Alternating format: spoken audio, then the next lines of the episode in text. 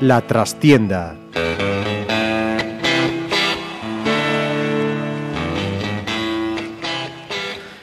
Saludos amigos, os habla Ramiro Espiño en nombre de todo el equipo. Comenzamos una nueva edición de La Trastienda en Pontevera Viva Radio. Este domingo finalizaba la temporada del retorno del Pontevera Segunda División B. Lo hacía con un noveno puesto, magnífico, pero que quizás deja un pozo de insatisfacción por las expectativas que durante gran parte del año ha generado el equipo, que sinceramente a mí me da la impresión que en general ha rendido incluso por encima de sus posibilidades. Pero para analizar todo lo sucedido y también para hablar del futuro inmediato, recibimos la visita de dos de las personas que tienen gran parte de culpa, dicho sea entre comillas, en todo lo que sucede en la Casa Granate. Lupe Murillo, presidenta, bienvenida. Hola, buenos días. Roberto Feans, consejero y director deportivo, muy buenas. Buenas tardes, ¿qué tal? Sí, no pasa nada. Aquí días y tardes en este concepto de radio en Internet es absolutamente válido, como si decimos buenas noches, porque como además de la emisión en streaming se puede escuchar a la carta, pues cada uno que lo escuche y que lo tome por donde quiera, ¿no? Perfecto. Bueno, pues obviamente lo primero hay que hacer una valoración de la temporada, ¿no? Sobre todo la temporada deportiva. Pues hombre, para hablar de la temporada deportiva casi mejor que la haga Roberto Feans, que es el que se ocupa de la parcela, yo puedo dar una valoración general de lo que ha sido el club en esta temporada a todos los niveles. Yo decía, Roberto, que desde mi punto de vista ha sido una magnífica temporada. Ayer se lo decía también a Luisito en rueda de prensa, ¿no? que lamentablemente el fútbol tiene muy mala memoria a veces y como casi siempre te quedas con lo más cercano, este último tramo de liga que se nos has hecho un poquito largo puede dejar esa sensación de que una magnífica temporada, repito, pues se queda en algo menos. ¿no?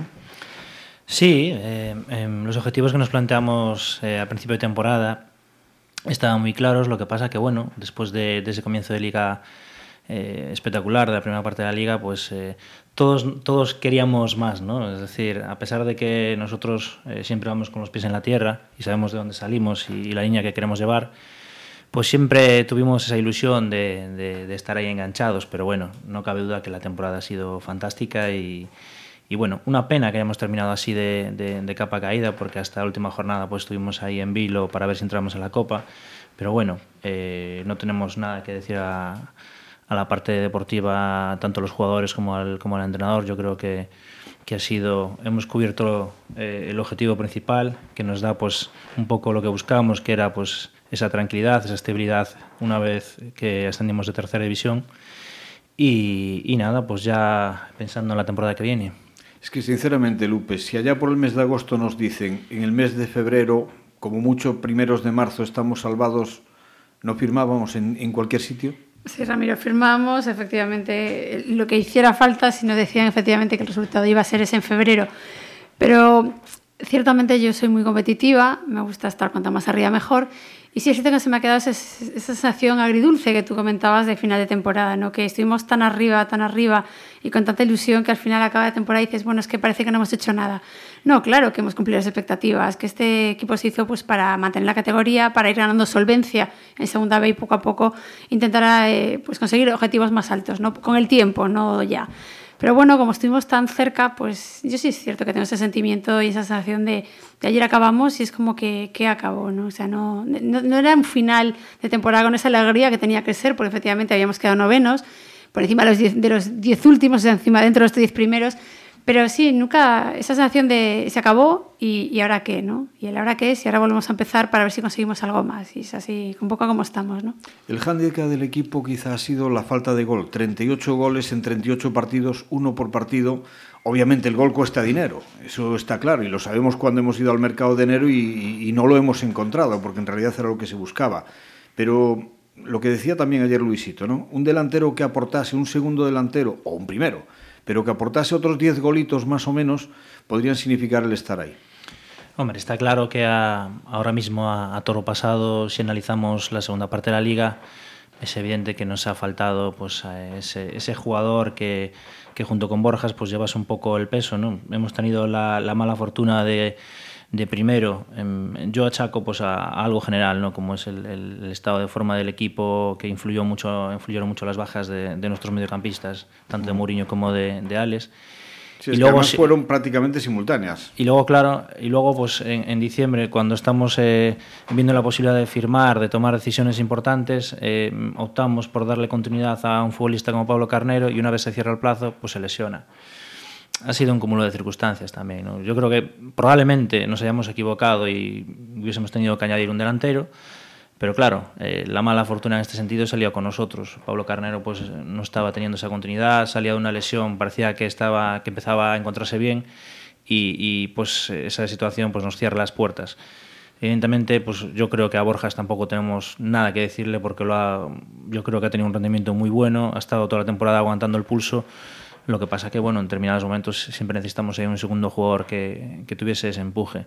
Evidentemente, yo creo, es una opinión particular, ¿eh? pero yo creo que por encima incluso de los goles, 12, que no está mal, eh, lo que hay que alabarle, y yo creo que la afición de Pontevedra ha sabido verlo, porque eso lo, tiene muy en cuenta, es el trabajo.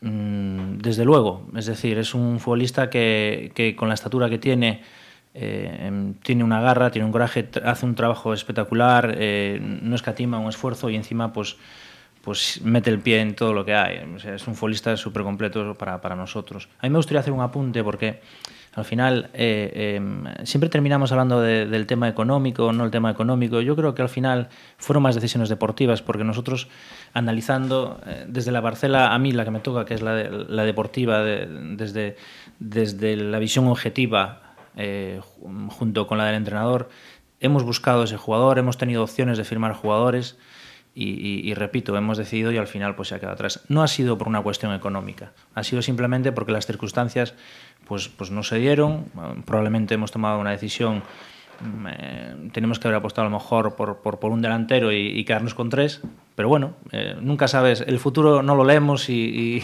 y, el día que lo hagamos pues seremos mejores seguro.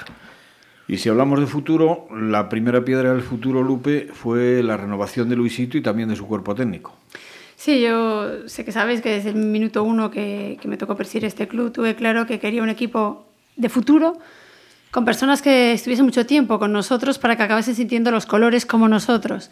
Y creo que eso lo, pues casi que lo hemos conseguido, ¿no? Curiosamente, pues el director deportivo era Santiago, un canterano del Compostela, que había sido jugador del Pontevedra. Luisito era un entrenador también de Santiago, también del Compostela. Y en un momento determinado pues apostó por ellos. Ellos intentaron adaptarse a nosotros, eh, creo que han cumplido las expectativas y el futuro yo creo que de este proyecto por lo menos va a ir de la mano durante mucho tiempo, salvo que algo muy extraño pase de Roberto Feas y del Visito. Creo que lo han hecho bien, Creo que no se puede pedir nada, creo que el trabajo está encima de la mesa, que el acierto con todos estos errores que comenta Roberto, que a lo mejor hemos podido cometer, pues creo que se tapa mucho con el final ¿no? que hemos tenido, que al final por resultados están encima de la mesa. ¿Y cómo lo lleva la presidenta? Porque eso de dos caracteres tan fuertes como los de Lupe Murillo y Luisito, son dos choques de trenes, ¿eh? A veces. Eh, no, solo son, son todos los días, no a veces. Eh, ayer, sin ir más lejos, pues eh, después de acabar el partido también hubo un choque de trenes, pero siempre el tercero en discordia de Roberto Feans, que es quien intercede, porque, en fin, cuando hablamos de fútbol, pues le suele dar la razón a Luisito. Y cuando hablamos de club y de personas y de... me da la razón a mí, entonces intermedia y generalmente pues consigue que lleguemos a ese punto de equilibrio, ¿no? Para que entre los tres consigamos sacar lo mejor de ese equipo, de, de esa parte deportiva, ¿no? Hablábamos de, renovación y lo cierto es que uno de los pecados históricos de este Pontevedra durante mucho tiempo ha sido precisamente el que de un año para el otro no lo conocían en la madre que lo parió. Porque había 16, 17, 14 cambios, o sea, imposible hacer un equipo. En ese sentido, este año no sé por dónde van a ir los tiros, pero de entrada tenéis un gran trabajo por delante por hacer, porque solo hay dos con contrato en vigor. ¿no? Eh, sí, yo, ¿no? Sí, bueno, la filosofía de la presidenta la conoces, la conocéis, la habéis visto. Efectivamente, eh, se mantuvo casi al 90% de la plantilla que había ascendido de tercera división porque necesitábamos dar esa continuidad, que la gente quería el equipo, la gente quería el equipo. La afición de Pasarón aplaudía al equipo, no vimos ni un solo pito la temporada pasada, a pesar de que creo que hemos jugado mucho mejor en segunda vez que en tercera división con el mismo equipo. Eh, sin embargo, la gente quería a esos jugadores y pues bueno, vamos a dar la oportunidad a esos jugadores de que demuestren que también pueden ser jugadores de segunda B. Y mantuvimos esa plantilla casi casi al 90%. Este año efectivamente tenemos dos, solo dos jugadores con contrato, pero bueno, yo creo que la filosofía va a ser pues realmente parecida, salvo que de repente pues entre Roberto Fernández y Luisito intenten traer algo diferente, yo creo que vamos a seguir un poco apostando por una estructura que está consolidada y algo más, eso sí. Pero bueno, lo comenta él. Eh, ya dijiste todo, ¿no? bueno, pues te... No, vamos a ver. Eh, eh, la realidad es que nosotros, eh, yo creo que el año más complicado fue el, el, año de tercera, porque apenas tuvimos tiempo y hubo que tomar decisiones muy importantes, tanto prescindir como jugadores, como incorporarlos. Y, y, nuestra apuesta cuando hicimos equipo, en, tanto con los jugadores que incorporábamos, era un poco darles pues eso, ese, ese premio para el segundo año, no premio, sino esa continuidad, porque a nosotros nos interesaba tener unos cimientos firmes con jugadores de, de nivel. ¿no? Yo creo que se ha demostrado que hemos formado una base buena, de hecho la continuidad en segunda B, aparte, nosotros siempre hablamos de premio, pero yo creo que se lo han ganado eh, con su rendimiento el 80% de los jugadores.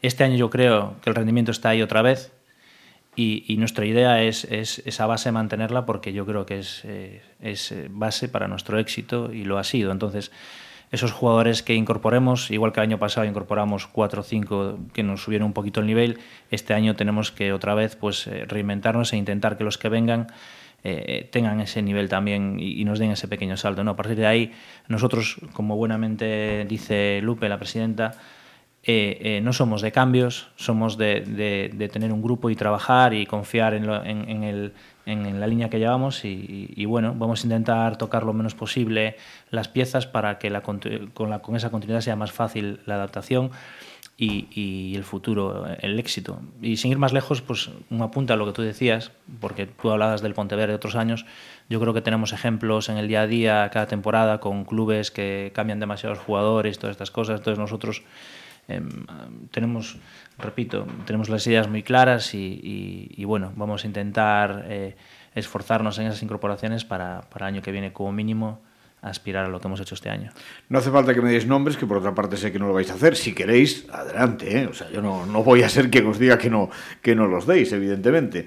Pero, bueno, la famosa columna vertebral del equipo puede ser un poquito lo que hay que retocar, ¿no? O sea, portero, defensa central, medio centro, delantero, aunque en este caso quizá la portería, a, a mi juicio, por el rendimiento que ha tenido este año, no, no es precisamente una de las necesidades acuciantes, pero sí quizá las otras posiciones. ¿no? Bueno, yo de, de, las partes que has dicho, efectivamente, yo creo que en la portería no tenemos ningún problema. Eh, hemos incorporado a un futbolista en diciembre como Vicente, que yo creo que ha estado a la altura y está a la altura de lo que queremos.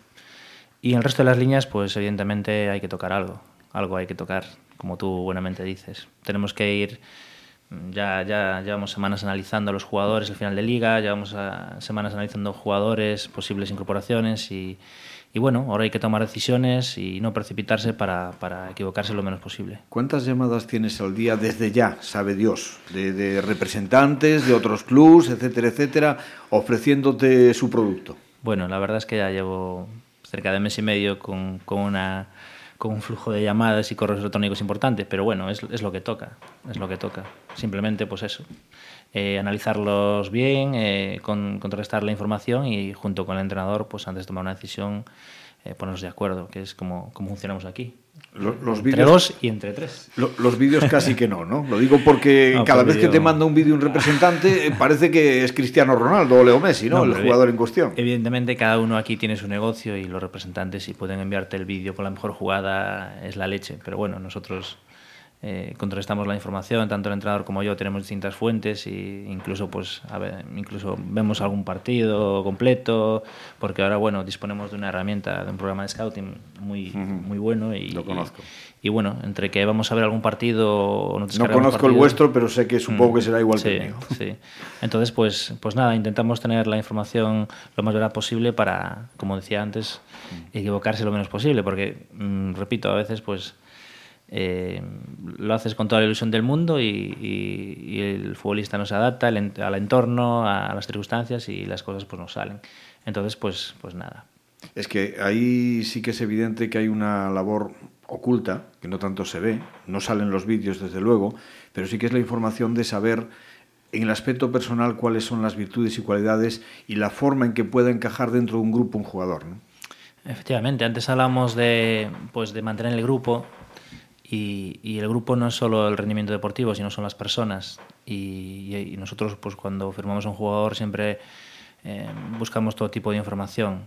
Desde pues, si, es un futbolista que se cuida, si es un futbolista pues que, que es de grupo y, y, bueno, ese tipo de cuestiones pues las tenemos muy en cuenta. De hecho, pues eh, la presidenta pues siempre tiene presente, a mí me toca analizar el, el plan deportivo, eh, a la presidenta pues siempre el tema personal eh, le, le, influye y le gusta también tener gente que se involucre con el club y, y, y, y que, que sea participativa.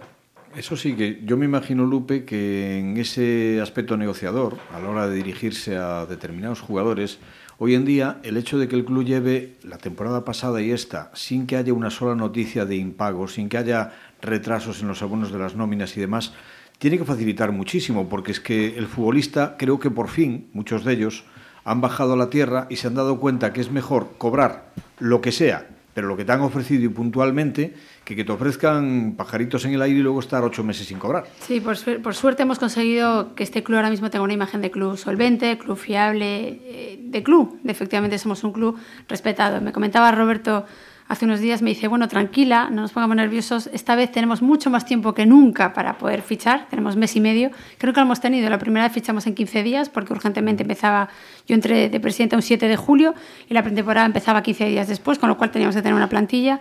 El segundo año jugamos playoff y ascendimos, el día 27 de junio estábamos jugando todavía, con lo cual estábamos encima otra vez. Y bueno, y ahora tenemos más tiempo y además de tener más tiempo para poder decidir y elegir mejor, además efectivamente el club, mm, todo se cuenta entre jugadores, todo se habla y el club es un club que ahora mismo se respeta, eh, se valora y hay muchos jugadores, como dice Roberto Fernández, que ha sido futbolista, muchos querrán venir aquí. Tranquilidad y bueno, y efectivamente lo tendremos más fácil que nunca, aparentemente. Imagino que a Roberto Feans y a Luisito sí que le queda, eso de dice Lupe, más tiempo que nunca sí, pero el resto del mes de mayo y el mes de junio habrá que tragar playoff por ahí a tope, ¿no?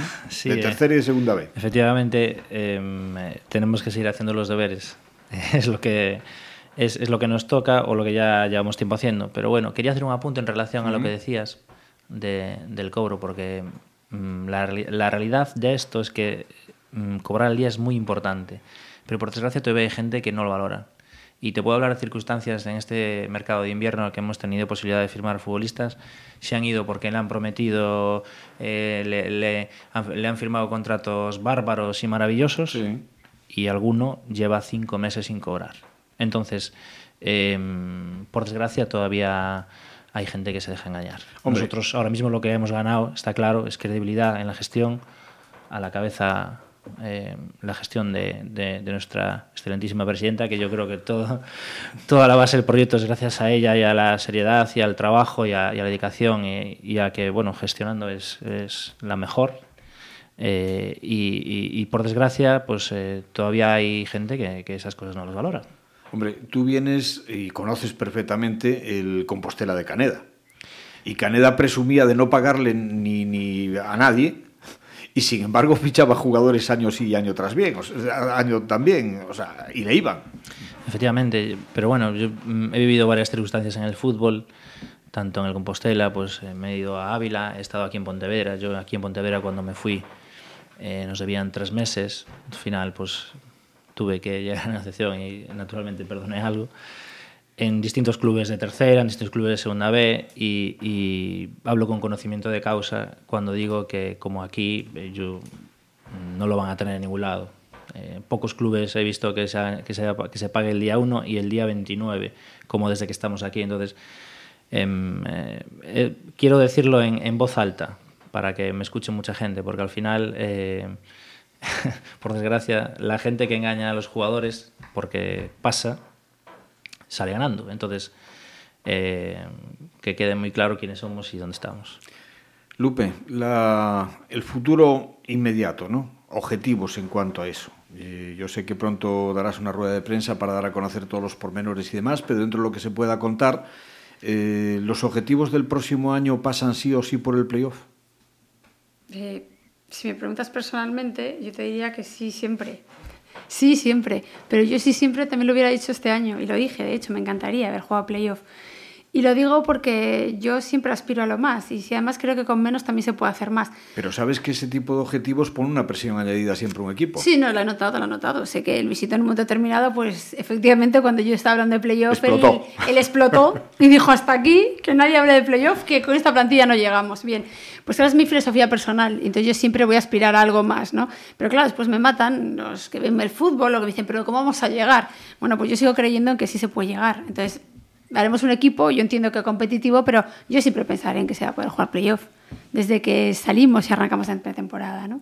Yo entenderé siempre que podemos jugarlo. Ahora después a lo mejor la realidad nos dice otra cosa, pero a priori vamos a salir con esa ilusión. Ilusión por lo menos la mía, la personal. Después ya veremos a dónde llegamos. Pero personalmente siempre aspiraré a algo más. A nivel deportivo, ¿cuál es la hoja de ruta para la actual plantilla? ¿Qué es lo que le queda?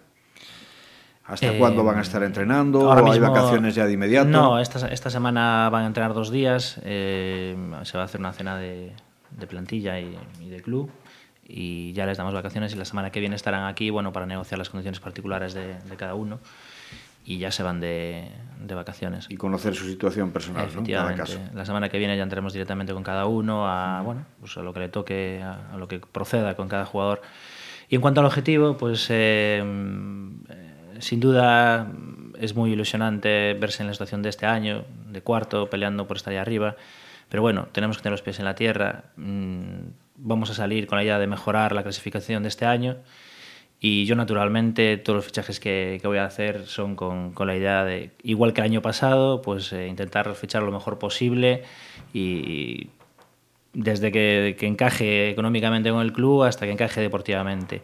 Eh, playoff, hombre, tampoco podemos obsesionarnos. Cada cosa pues llegará a su tiempo. Detrás de un playoff hay un trabajo de toda una temporada, lo hemos visto este año, hemos, hemos empezado mal, hemos tenido una, una racha muy buena y hemos acabado pues ahí con ese, con ese bajón. Pues vamos a intentar reforzar los miembros para mantenernos, pero, pero bueno, con, tranquilamente y, y desde el trabajo. Y luego pues ya veremos dónde nos coloca el fútbol, porque al final el fútbol eh, es como es. Y, que hay que tener los pies en la tierra es muy claro, porque es que, que le pregunten al Compostela este año, que tenía una plantilla en principio hecha para estar sí o sí en el playoff, o que nos pregunten a nosotros de hace cuatro años, que descendimos a Segunda B eh, con, en teoría, un equipazo.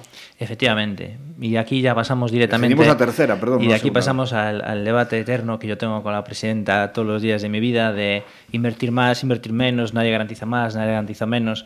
Eh, ahí tenemos un caso, tú lo acabas de citar, yo no quería, no quería citarlo porque evidentemente hay, hay muchas circunstancias, no solo eh, en este club, sino en otros muchos, pero evidentemente el Compostela es un equipo que se renovó con cerca de 11 jugadores nuevos, en diciembre metió otros 5 o 6 fichajes, eh, buscando pues esa ilusión de mantenerse y tal, lo que nos lleva pues al camino, de, al inicio de esta conversación, que es tenemos que mantener lo que tenemos, la base, y reforzarlo poquito a poco para no deshacer el grupo, porque el grupo es importantísimo a la hora del rendimiento. Sin que se nos vaya la pinza, Lupe, pero el modelo imitar es un Eibar. Lo digo porque por dimensión de ciudad es un ejemplo claro de que se puede soñar.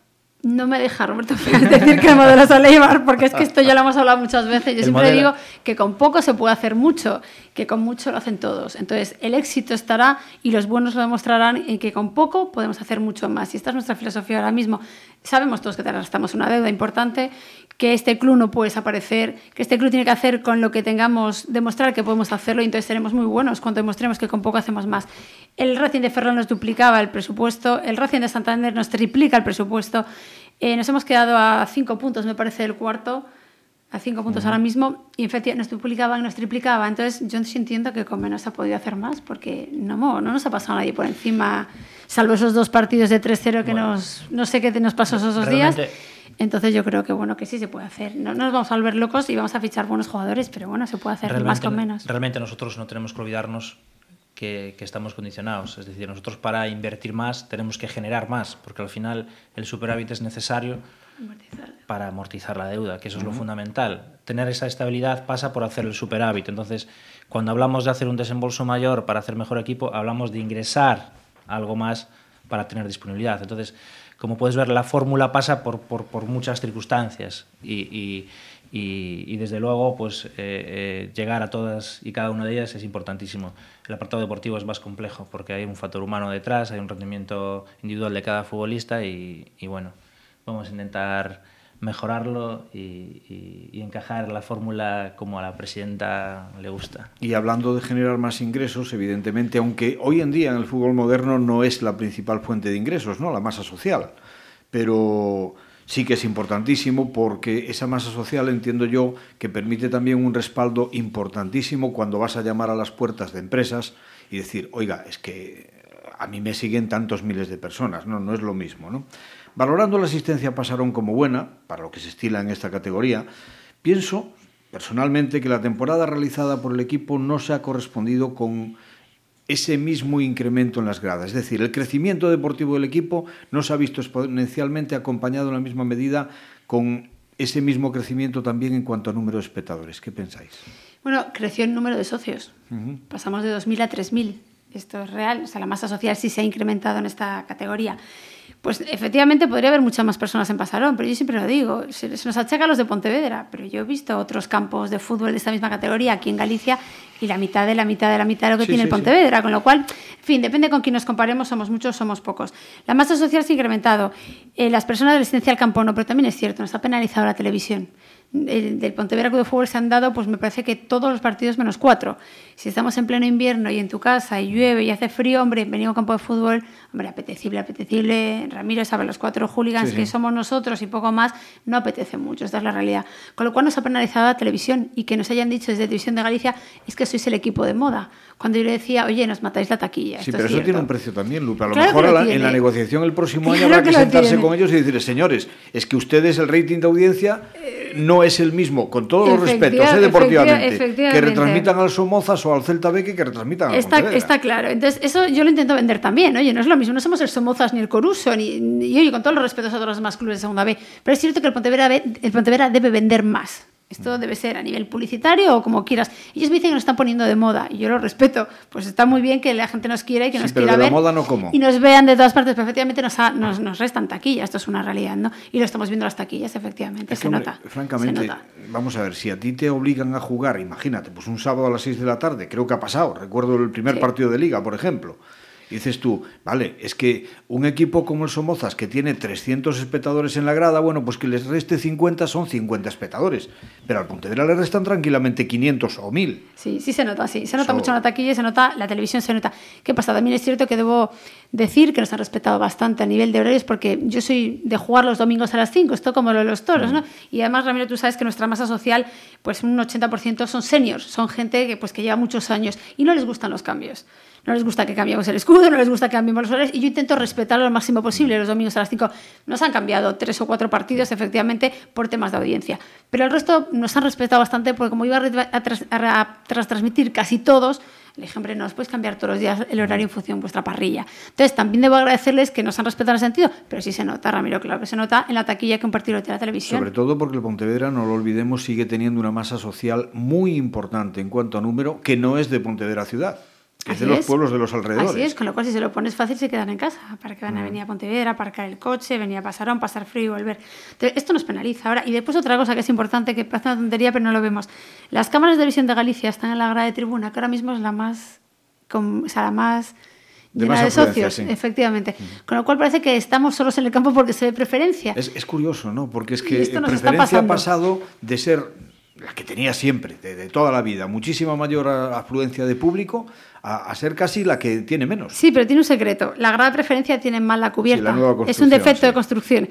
La cubierta de, de preferencia en los días de sol no cubre, Es no te uno- tapa el sol. uno de ellos. Y uno de ellos. Y, el- y en, la y en momentos de lluvia eh, no cubre la lluvia. Con lo cual, ¿qué hemos hecho? Hemos abaratado un poco el precio Mm. de tribuna para que los socios de preferencia que se estaban mojando y que estaban diciendo eso, que se vinieran por Pudiesen poco pasar. más a tribuna. Y eso pasó, efectivamente, está- están Mm. en tribuna. Bueno, y el, el factor más importante, pues Luisito está en este lado también. Efectivamente. Es un espectáculo. en sí Parece que no, pero el hecho de que los jugadores salgan por tribuna y que Luisito esté en tribuna atrae, atrae afición a la grada de tribuna. Oye, pues debemos, no sé, a lo mejor hay que cambiar las cámaras de televisión para que se vea que pasaron, hay más gente de la que aparentemente parece que hay, pero sí es cierto. Eh, Nos pasa a veces y, o sea, yo me atrevería a haceros una demanda eh, como periodista, porque además creo que es bueno para también para la propia difusión del club, ¿no? A veces nosotros mismos no nos ponemos de acuerdo y es eh, hasta cierto punto habitual que en un medio leas la asistencia a Pasarón pues 1500 y en otro 4500. eh, ¿no se podría hacer algo para que desde el club saliesen datos aproximados al menos, ¿no? Sí, Ramiro, Antes de que acabe el partido. Se podría hacer. La persona que más acierta habitualmente con el número de personas que pasaron es Natalia.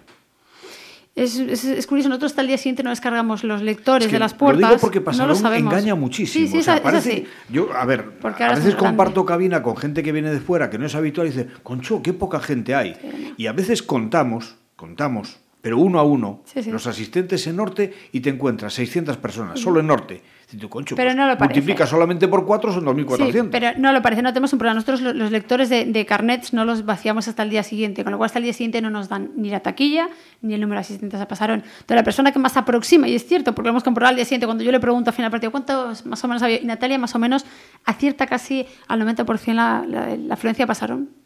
Entonces nos fiamos de lo que nos dice Natalia porque suele acertar. Pero hasta el día siguiente es imposible que nos den los pues datos. Pues me atrevo de, a sugerir lo que lo facilitéis en sala de prensa. Pues que lo haga Natalia en sala de prensa y que más o menos aproximadamente diga hoy creo que hay, porque eso es la que más suele acertar de la afluencia pasaron cada domingo. Lo digo porque yo he visto realmente eso, ¿no? Y bueno, pues llama la atención, ¿no? Que parece sí. que, que, no hay nadie en Pasarón, según quien haya estado viendo y, y contabilizando el partido. Eh, bueno, eh, este domingo hemos visto, este domingo y este sábado también, ¿no? Hemos visto una, para mí, feísima costumbre que desgraciadamente se está implantando de unos años a esta parte en el fútbol español en general y que en Pasarón no está siendo tampoco ajeno a ella, ¿no? que es la de saltar al campo al finalizar los partidos. Eh, a mí me parece, primero, una falta de respeto hacia los propios jugadores cuando hay algo que celebrar porque no les dejan celebrar.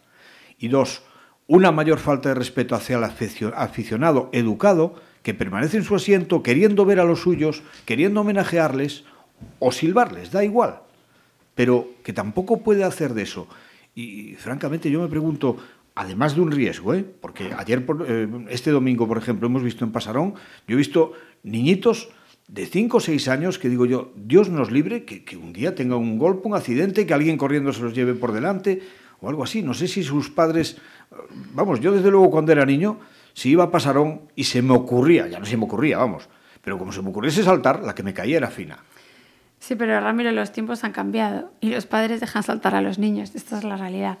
Sí, sí es cierto que nosotros, además de riesgo, tenemos multas. Nosotros uh -huh. en playoff pagamos 2.000 euros a la Federación Española de Fútbol por el, el, que saltase la gente a Pasarón al final del partido. De hecho, no sé qué pasó en el acta de ayer, que ya intuíamos que nos va a caer otra sanción, uh -huh. efectivamente, por el asalto al campo. ¿Qué pasó ayer? A mí, bueno, personalmente, a la Consejo de Administración le habría gustado pues, que esa plantilla que acabó la temporada ayer hubiera cerrado la temporada en el centro del campo aplaudiendo a la afición y la afición despidiéndose del equipo. No pudo ser efectivamente porque saltaron muchos niños, pero ojo, no sé si te diste cuenta, saltaron muchas familias de los jugadores uh -huh. que no sé si piensan que ya no siguen en Pasarón el año que viene o no, sal salieron a hacerse fotos. Había muchas familias y muchos niños de los jugadores que ayer acababan la temporada con el bueno, de Fútbol. Hay tiempo para todo. Bueno, quisieron salir a despedirse. Yo hay cosas a veces que, bueno, que, que incluso pues las entiendo y ya está. O sea, que el año pasado durante el playoff permitimos desde el club, a pesar de los 2.000 euros que nos dieron, permitimos que esos niños que habían llenado pasaron, que la ciudad de Pontevedra había apoyado y había estado con nosotros, que saltasen al campo hasta cerca de esos jugadores que nos habían dado la ilusión se permitió desde el club, no dijimos que abandonaran el campo. Sí, Eso se ver, permitió.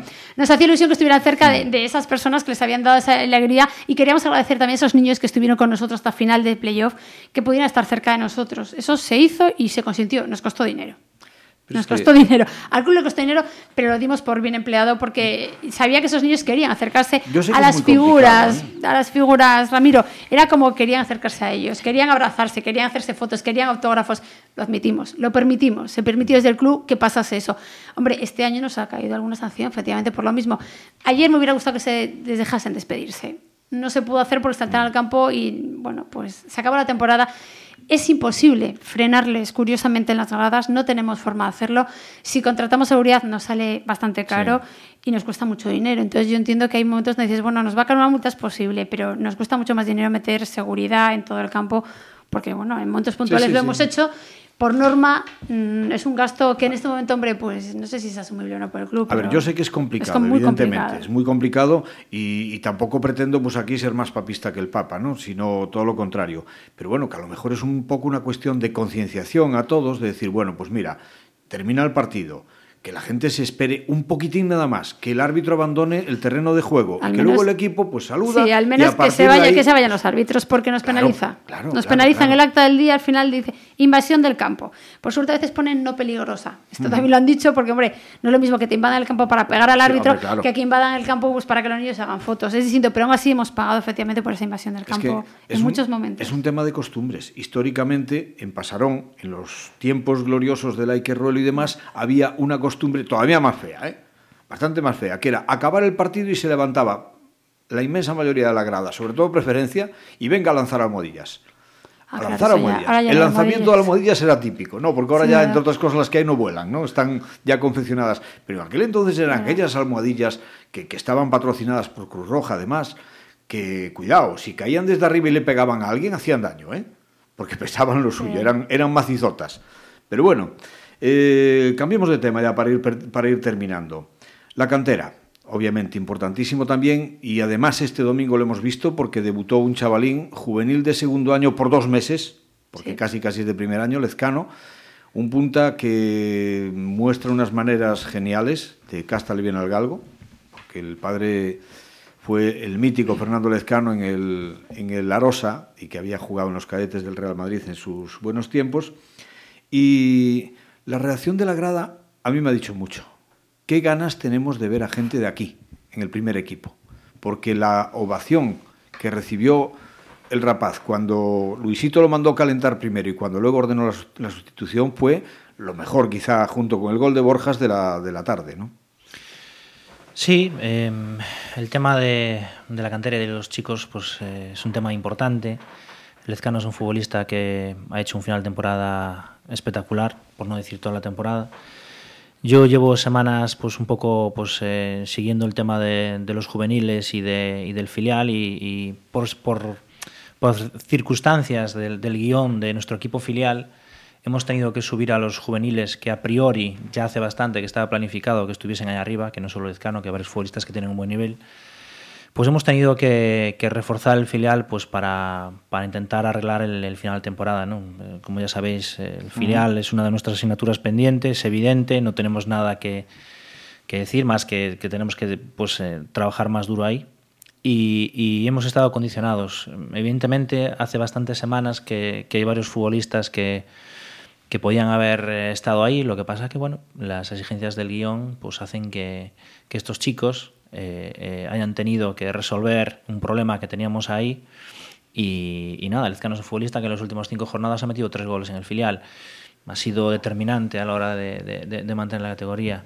Eh, con Luis ya, ya ha ido pues, varias sesiones a entrenar, ya lleva tiempo yendo, igual que Teti, igual que, que- que varios jugadores, pues que Richard ha debutado en, en Copa en, en- en- en este año también y, y- y bueno pues eh, los estamos viendo los estamos viendo. Y, la verdad es que mm, tenemos que seguir trabajando duro. Ellos también tienen que poner mucho de su parte. El fútbol base los chicos eh, lo que es la filosofía ha cambiado mucho. Yo pues me he acercado hace unos meses eh, para vivirlo con ellos de cerca, para transmitirles la ilusión que desde el club tenemos por ellos e intentar pues meterles esa ilusión. Y, muchos de ellos yo el, el- mi, mi- mi discurso pues era siempre el mismo, es decir, objetivo por ejemplo en el juvenil que también aspiramos al ascenso, al final nos caímos eh, es, es formar jugadores para estar en el primer equipo. Sí, es que eso te iba a decir un poquito, ¿no? En la cantera quizás es un poco la asignatura pendiente, porque es verdad que este año se han conseguido varios ascensos, pero en los más chiquitines, pero sin embargo los dos equipos, digamos, que tienen que ser el buque insignia, el Pontevedra B y el filial, en este caso de, de Liga Nacional Juvenil, que empezó como un tiro, pero se desfondó en la, en la segunda parte de la competición. Efectivamente, la Liga Nacional es una categoría muy competitiva. Pero hablemos de lo bueno. Eh, Habla de. Lezcano y, Eh, dirá, y, y qué bien que ayer dejas, debutó. No me eh, cuentes.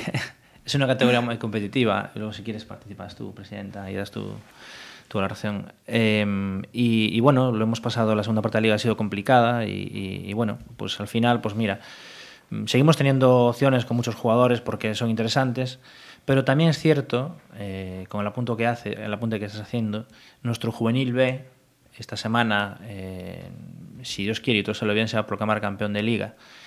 y son futbolistas también pues que traen pues vienen con un nivel importante y somos muy optimistas de cara al futuro este año pues tenemos que eh, aplicarnos si, si, si, cabe más de lo que hemos hecho este año y esperamos mejorar y, trabajar duro para, para, que el año que viene pues eh, estén ahí mm, está planificado también que, haga, que muchos jugadores hagan la pretemporada el año que viene de tanto juveniles como, como alguno del filial y bueno, nosotros estamos mirando continuamente esa posibilidad y es lo que la gente también tiene que ver. Ellos tienen que sentirse, yo les he transmitido que son importantes para el club y, y, y nada, pues eh, intentar cada vez pues eh, mejorar y que más jugadores estén arriba. La filosofía de este club, Ramiro, en este momento, efectivamente es que si conseguimos tener jugadores de la cantera del Pontevedra arriba, cuantos más mejor, pues más llegarán.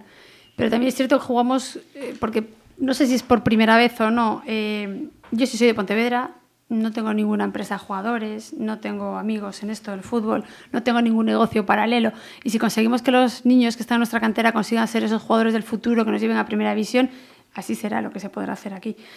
Contamos con dos personas que se van a implicar en la cantera. Roberto está pendiente, efectivamente, el juvenil del filial y de hablar con Luisito para tener esa conexión necesaria para que los entrenadores del primer equipo también entiendan que estos chavales, a ver si son capaces de crecer con nosotros. Mm. Esa es la idea. También es cierto que, tal y como está configurado el fútbol hoy en día, eh, tenemos chavales en la cantera, 14 y 15 años, cuyos padres nos piden hacer, ir a hacer pruebas al Real Madrid o al Celta de Vigo o al Deportivo de La Coruña o cualquier otro lugar. Si nosotros no tenemos esos jugadores y con 15 años se los llevan otros equipos de primera, nunca tendremos el equipo en primera. Esta es la realidad. Entonces, queremos un equipo de primera división, pero queremos que nuestros niños jueguen en el Barça o en el Celta. Entonces, así es un poco complicado. Pero conseguiremos llevar a algunos hasta arriba y bueno, que esos nos hagan un equipo de categoría superior. Ojalá pudiéramos tener jugadores que salieran todos de nuestra cantera. Ojalá, pero no todos llegan. Tendríamos un montón de cosas que seguir hablando, pero vamos con una última cuestión, porque entramos en el año de las bodas de platino. 75 aniversario del Pontevedra Club de Fútbol. ¿Muchas sorpresas nos esperan? Pues algunas, algunas se están preparando. Probablemente este miércoles ya avance parte de las cosas que se están preparando ya para este 75 aniversario del Pontevedra Club de Fútbol. Que queremos hacer algo distinto, porque efectivamente hay muchos aniversarios en esta ciudad, hay muchos clubes que son, pues, oye, han ido a la par que nosotros pero bueno, queremos hacer algo diferente. Yo creo que va a quedar bonito.